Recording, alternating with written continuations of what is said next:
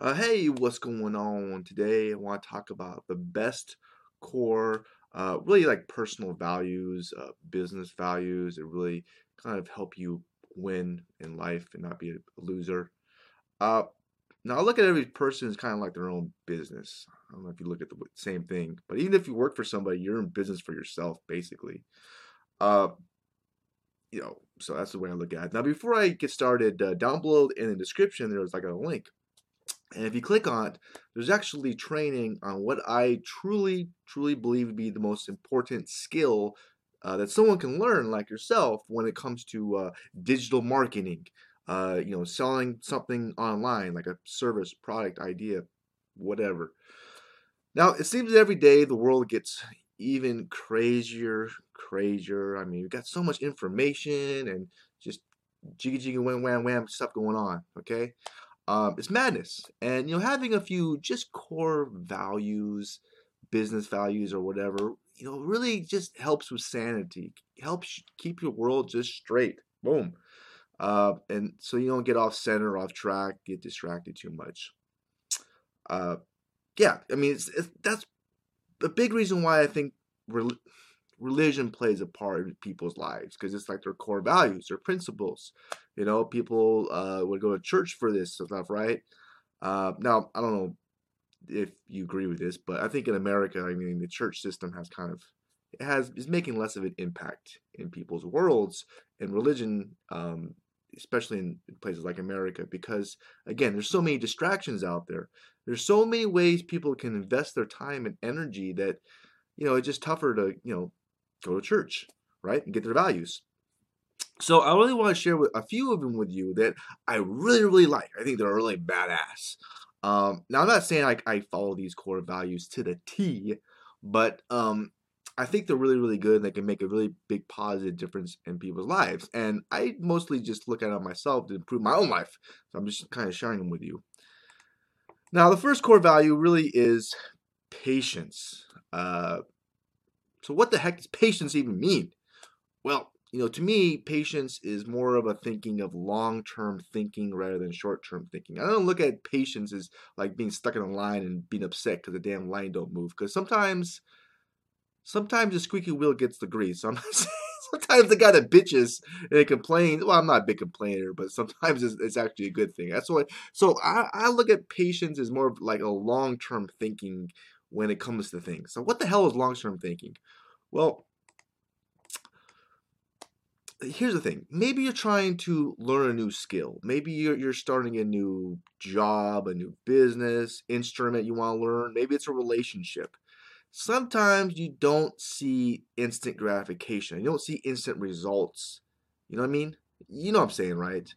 Uh, so if you quit too early, I think that's a big disadvantage um, accomplishing anything in life. I mean, think about it. I don't know, maybe you, whatever the hell is you want to do, if you quit too early, you're not going to accomplish anything. You don't get ahead that way. Uh, so I think it's a big mistake of a lot of people for quitting. Uh, what do you think? And am I wrong? You tell me. Let me know in in in in the comments below. But I think so. One of the best things someone can do is is basically have more long term thinking. Unless you're gonna like be dead tomorrow, it, it just you know who knows that. Maybe some people do, but you know just having long term thinking it will help you in a lot of situations, and you know sometimes it's a hard pill to swallow that you're not gonna see results pretty soon, but we should.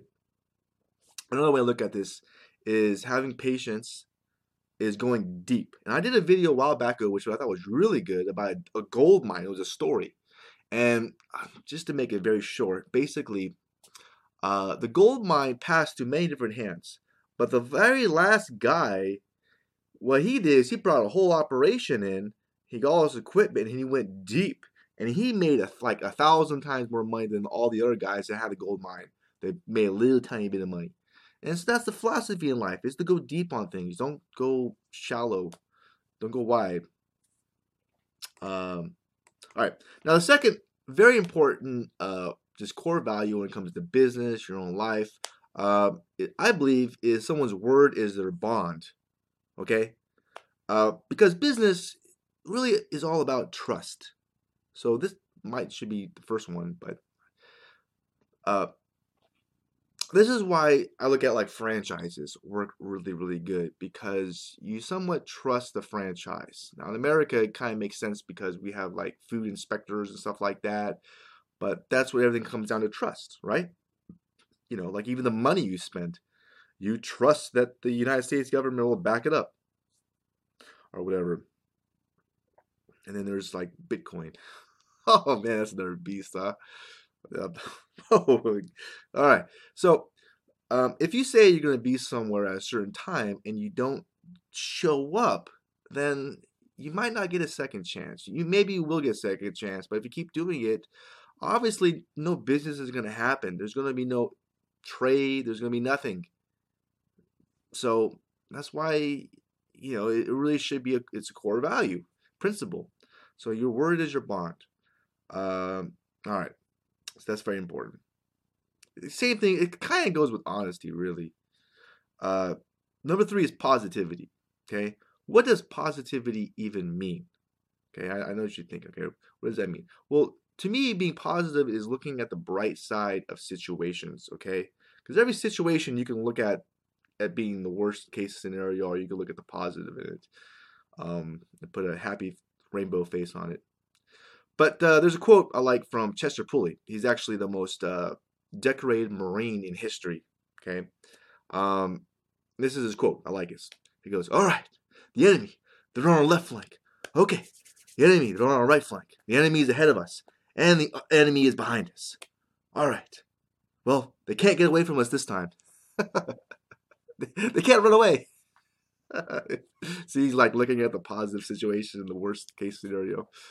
Uh, you know, another great saying that I have is when things don't work out, which happens a lot. And a big thing that frustrates the hell out of me, I don't know if it frustrates you, is when the damn Wi Fi is not working or it's slow or it's updating or some weird shit and I want to get something done. And you're like, what the ah?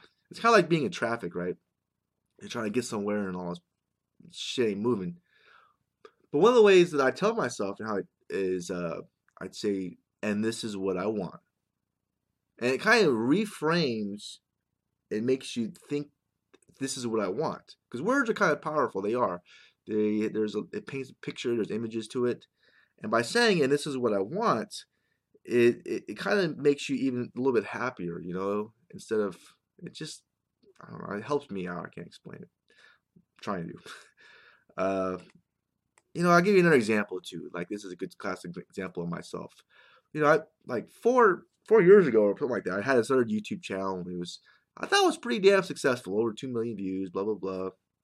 And I worked my butt off on it. I really did, and I didn't really get much shit out of it. I didn't really do nothing with it, and I just sucked. Um, so what I did was I'm kind of using that to kind of help other people so they don't go through the same damn experience that I did. So kind of flipping around into a positive, really, in a way. Uh, just kind of means, ref- yeah, you, get what I'm saying. Um, another really good quote I like I'm going to share with you is uh, if you think you're too small to be effective, you've never been in the room, a dark room, with a mosquito. That's pretty funny, I thought. I want to share that with you. All right, so um, another core value to business, which I pretty much have to mention, I think this is the third or fourth one, I don't know. I forget, lost track of the numbers. But um, what is it? Oh yeah, here it is. Is to give more value than you receive. Okay, that's a really good saying I like to remind myself of. Uh, you could say it's like working hard, but I didn't really want to put work hard because uh, there's busy work.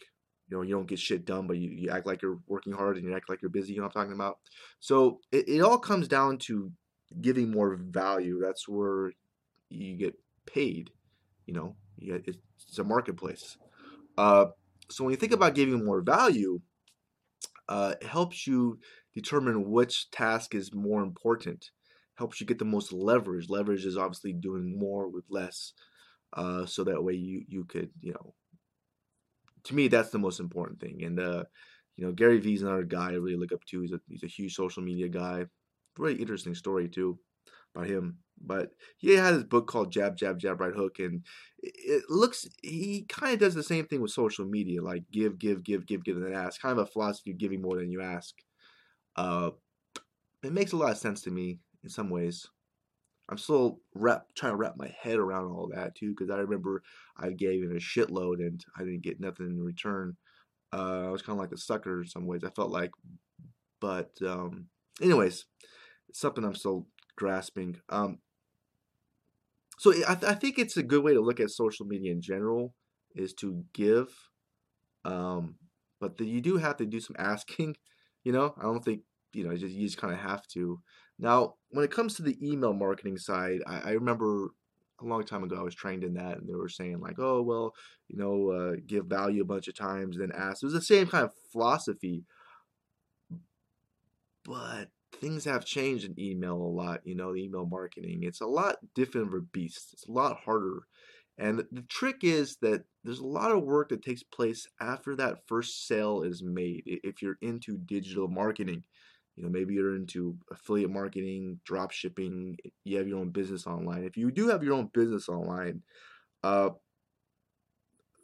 that's kind of one of the most important skills you can learn is learning how to well what to do after that first sale and how to even get that first sale. That's where everything comes down to because that's all that matters right? That's why you're in business. You won't get no sales. You're going to be out of business. You have to feed yourself okay? Um, and it doesn't matter like how big your YouTube channel is or whatever if you don't have sales. Okay. So, anyways, um, if you want to learn more about that, just click the link below. I hope you liked this video. I hope it maybe brought some value to your life. If it did, is it getting long enough? Uh, please hit the thumbs up button. You can share it. Uh, thanks a lot. Have a very uh, cool and wonderful rest of your day.